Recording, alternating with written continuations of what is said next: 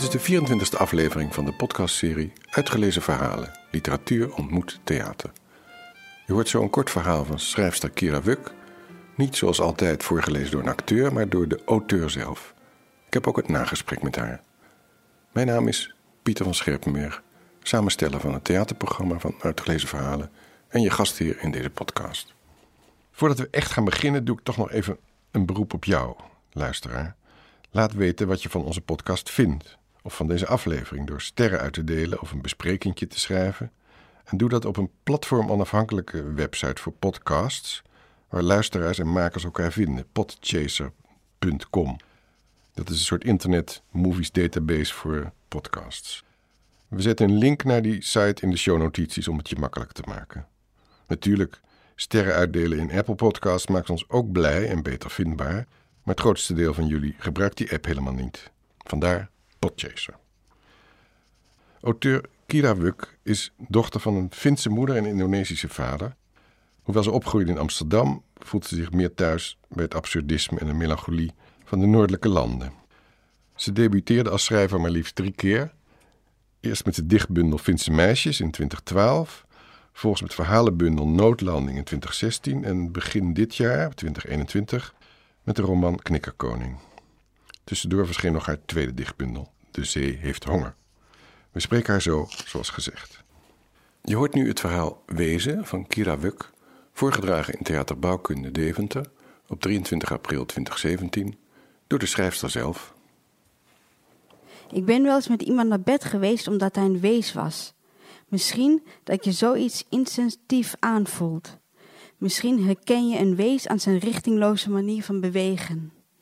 Zolang ik werd aangeraakt, wist ik dat er nog iets van mij over was. Van mijn buik, mijn armen, handen en haar. Mijn opgetrokken knieën tegen de morsige rug van een toneelschrijver of architect. Korsakov was de laatste plek waar je naartoe kon om je honger te stillen. Hier kon je redelijk goed jezelf zijn tot het grote licht aanging. Als dat gebeurde, schoot iedereen naar buiten, waar lucht zich tegen je oren drukte en leegte terugkaatste. Soms bleef ik hangen om sigaretten uit te delen.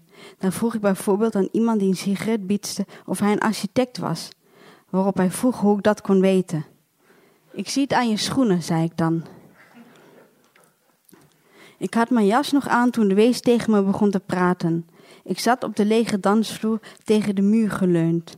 De wees vertelde vrij ernstig dat er in Amsterdam 110 wezen onder de 27 woonden. Waarop we onze bierflesjes tegen elkaar aansloegen met een vreemd soort enthousiasme, alsof we proosten op een prijs die we zojuist gewonnen hadden. Daarna haalde hij wodka met ijs en bekeken we de lijnen in elkaars gezicht alsof we door een spiegel heen kijken. Op het toilet probeerde ik water te drinken, maar de straal was te dun, dus hield ik mijn hand eronder, zodat ik net genoeg zou opvangen voor één slok. Met mijn andere hand leunde ik op de wasbak en nam de schade op. Ik zag er vrolijk uit, niet onbezonnen, maar zeker niet ongelukkig. Daarna liep ik weer naar de wees. Hij hield zijn ogen gesloten en zijn hoofd achterover terwijl hij met de dozen meebewoog. Morrison zong Show me the way to the next whisky bar. Ik klopte zachtjes op zijn schouder. Ben je er nog? Ben ik waar nog? Hier. We zijn er nog, zei hij. Laten we maar gaan. In het huis van de wees rook het sterk naar schapenvlees. Hij woonde boven een zwamatent. Geur is een van de weinige dingen waar je niet aan kunt wennen. Ik probeerde het schapenvlees te negeren terwijl we op zijn bank lagen. Ik voelde hoe ik tussen de gleuven van het leven verdween. Als kind vond ik de gedachte dat je altijd nog kon verdwijnen geruststellend. Mijn vriend had ik onderweg een berichtje gestuurd dat ik niet bij hem sliep. De wees zoende dorstig, zijn tong zwalkte door de drank. Alles begint met nieuwsgierigheid. Als je met iemand naar bed bent geweest, kun je daarna alles vragen. Het is de snelste manier om over je schroom heen te komen. Je pelt elkaar laag voor laag af. Overdag gaat de wees bij mensen langs om verzekeringen af te sluiten. Verzekeringen die je niet echt nodig hebt, maar waarvan hij het gevoel geeft ze wel nodig te hebben. Dus eigenlijk bedonder je mensen, zei ik. doen we dat niet allemaal. Mensen willen zekerheid. Voor zekerheid hebben ze alles over. Dat ze gerustgesteld worden, vinden ze belangrijker dan of het uiteindelijk echt zin heeft. En hoe meer ze hebben betaald, hoe geruster ze zijn. De erop kwam ik hem weer tegen. De wees mompelde en werd al snel minder verstaanbaar, dus legde ik mijn tong in zijn mond als een soort kurk. Hij droeg een overhemd met strepen dat half uit zijn zwarte nette broek was geschoven. Buiten leunde hij met één hand op de kraag van mijn jas, terwijl hij voor zich uitkeek alsof hij in een onbekend land stond. We zijn net genoeg aanwezig om de lucht om ons heen te doen veranderen, dacht ik. Pas toen de beveiliger tegen ons sprak, realiseerde ik mij dat ook anderen ons zagen en voelde me betrapt. De wees liet mijn kraag los en gaf de beveiliger een euro. Keep your enemies close, mompelde hij.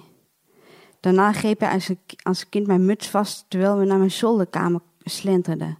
Onze voeten knarsten op de eerste sneeuw en ik bedacht dat je dit geluk zou kunnen noemen, maar ook gemakkelijk het tegenovergestelde daarvan. Op mijn kamer aten we spaghetti en probeerden we te schaken zonder bord. We noemden om de beurt een zet tot we de draad kwijtraakten. Ik weet niet wie je. Ja, sorry. Ik ben niet wie je denkt dat ik ben, zei hij ineens. Dat geeft niet, zei ik, zolang je maar blijft. Daarna vroeg hij hoe het verder moest. En ik haalde mijn schouders op en liet me voorovervallen.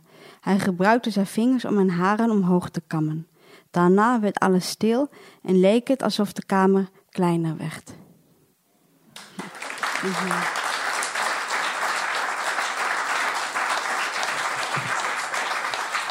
Ja. Je vond het moeilijk om jezelf te horen, zei je, liet je aan het begin uh, merken. Ja, ik vind mijn eigen stem altijd heel vervelend om te horen. Mhm. Ik hoor hem nog niet genoeg. Nee. Maar uh, ik vond het wel fijn om dit verhaal weer eens ja? uh, terug te halen. Ja. Is het een van je favorieten ook? Of, Ja, eigenlijk wel. Samen met de winnaars. Mhm. ja. ja. Je koos het meteen uit toen, toen werd gevraagd in het publiek van uh, weer eentje doen, heb je het meteen voor deze gekozen. Dus dat zegt ook wel iets. Ja. Ik, met dit verhaal boor je ook een aspect van je eigen verleden aan. Je was zelf ook wees. Hè? Je verloor je ouders in je tienerjaren. Heb ik pas onlangs gelezen in, uh, bij de recensie van je roman. Was je leven vaker inspiratiebron voor de verhalen in deze bundel? Of heb je het allemaal verzonnen? Uh, nou, toevallig is dit verhaal redelijk uh, autobiografisch. Mhm. Wel een van de weinigen hoor, uit uh, Noodlanding. Ja. Ik heb wel eens bij het verhaal Winnaars, als ik die lees, dat mensen vragen of dat mijn broer was. Ja. maar, dat natuurlijk echt niet zo is. Nee, Maar, maar, deze is wel, die komt wel dichtbij in de buurt. Mhm. En eigenlijk ben ik daar natuurlijk op doorgegaan in Knikkenkoning. Ja. Dus als je wil weten hoe het vroeger met de wees was, dan moet je Knikkenkoning lezen. Oké. En, je uh, vertelde ook dat er een, in, andere verhaal, in een ander verhaal, uh, ik dacht dat je dood was, een personage zit dat terug, terugkomt in je roman nu. Ja. ja Welke is dat? Ja, ik heb ook nog een, uh, een personage uit Knikkenkoning, een van de beste vrienden van mijn vader, die ik Ron heb genoemd. Die zit ook al in de Knikkenkoning. Mm dus als je weer wil weten hoe het met die man is afgelopen, dan moet je weer Noodlanding lezen. Ja. En dat was een vrij narcistische man eigenlijk, maar blijkbaar had hij toch iets waardoor mijn vader uh, hem raakte en hadden ze toch wel een speciale band. Mhm. Ik snap het ook nog steeds niet zo goed hoe dat, dat kon, want dat was best een naar man, maar mhm. hij deed wel heel veel voor mijn vader. Ja. Dus je weet nooit precies hoe vriendschappen werken. ja. Je bent een multitalent hè, met de drie genres in de literatuur die je beoefent. Ik, ik voel me af hoe dat gaat in, in de praktijk in je hoofd. Besluit je s ochtends van dit is een proza-dag? Of uh, ik voel de dichtader stromen vandaag? Of...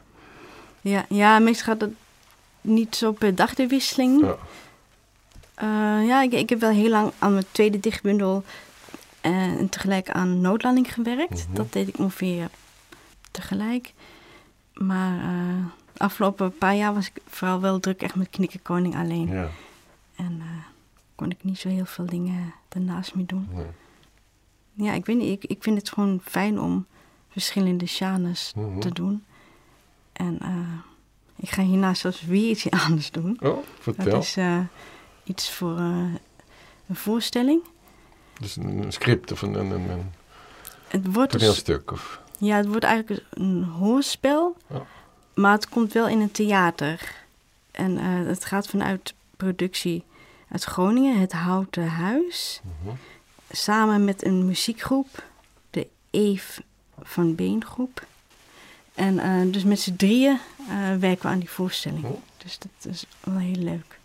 En, ja, eh, dat- weer, weer een debuut eigenlijk, als het ware. Ja.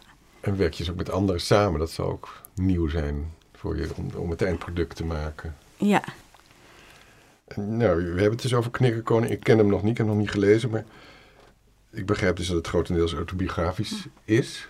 ja. Op je jeugd gebaseerd. En je hebt beeldend kunstenaar Elske Verdoorn gevraagd. Of dat heeft zij bedacht. Ik van, ze heeft met jouw eh, familiealbums, familiefotoalbums, collages gemaakt. Hè? ja, dat klopt.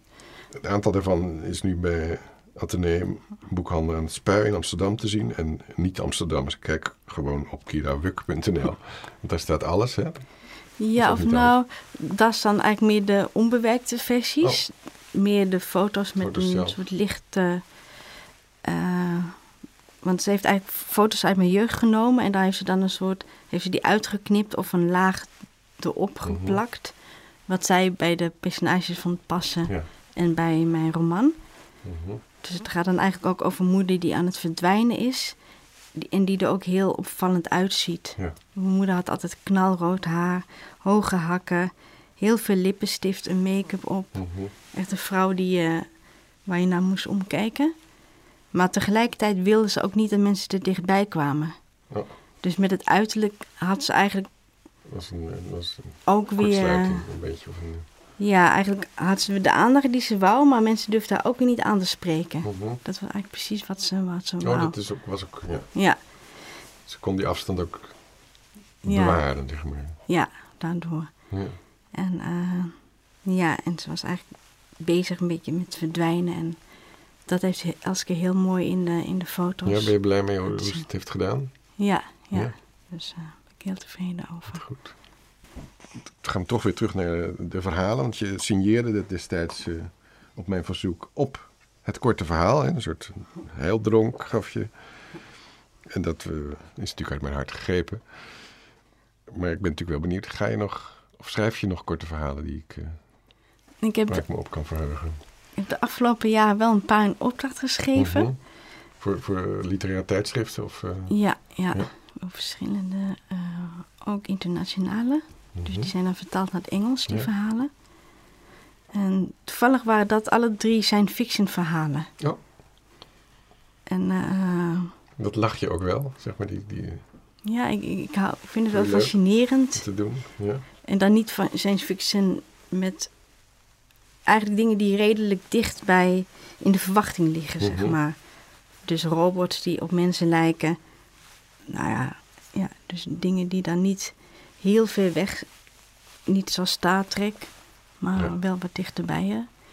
En eh, De huidige tijd wat verder doorge, doorgedacht of zo naar ja, de toekomst. ja. Ja. En ik zit met het idee, ik weet nog niet zeker of het verhalenbundel of toch een roman wordt. Mhm. Zijn fiction bundel te schrijven. Maar ik, ik moet daar nog in zoeken, want ik heb nu een paar werelden bedacht. En ja, het is weer te veel om een kort verhaal van te maken. Dus het zou ook kunnen dat het een soort boek wordt met drie lange verhalen, zeg Oh ja. maar. Of vier. Dus tussenvorm. Novelles, of ja, hoe je het ook wil noemen. Of misschien stiekem toch een roman. Of Mhm. wel kort verhalen. Dat durf ik dus zich nog vormen. Ja, ik Ja. weet nog niet precies hoe. Maar eh, dat wordt wel een volgend boek. Ja, ik heb eh, SF, inderdaad, jij noemt het science fiction, dat is ook de oude be- betekenis. Maar langzamerhand steeds meer Amerikanen hebben het over speculative fiction. Dat is ook Hm. een wat breder begrip. Daar kan ook fantasy onder natuurlijk vallen. Oké. Dat vind ik eigenlijk wel een goede speculatieve fictie. En voor mij wordt het onderwerp ook wel populairder onder schrijvers. Ja, Het, eigenlijk wordt het een beetje in een hoekje ge- gegooid van dat is geen literatuur. Maar Ik vind het is ja, een bepaalde vervreemding vind, die erin kan zitten. Mhm. Vind ik dat het heel goed literatuur kan zijn. Ja. En, Ja, ik had er ook altijd iets tegen, schandelijk genoeg. Want het is inderdaad natuurlijk gewoon een goed genre op zichzelf staand. En, ja. Ja. en dan zal ik me vooral op de eh, op maatschappijen willen richten. Zeg maar zo'n sociologisch aspect Mhm. van... Ja, en eigenlijk zitten we nu ook een beetje midden in zijn fiction situatie. Heel goed. Natuurlijk, ja. Ja. Hoe dat dan werkt als mensen elkaar niet meer kunnen bezoeken en zo. Onvoorstelbaar leek dat, Ja, een jaar geleden. ja. Ja. Ja.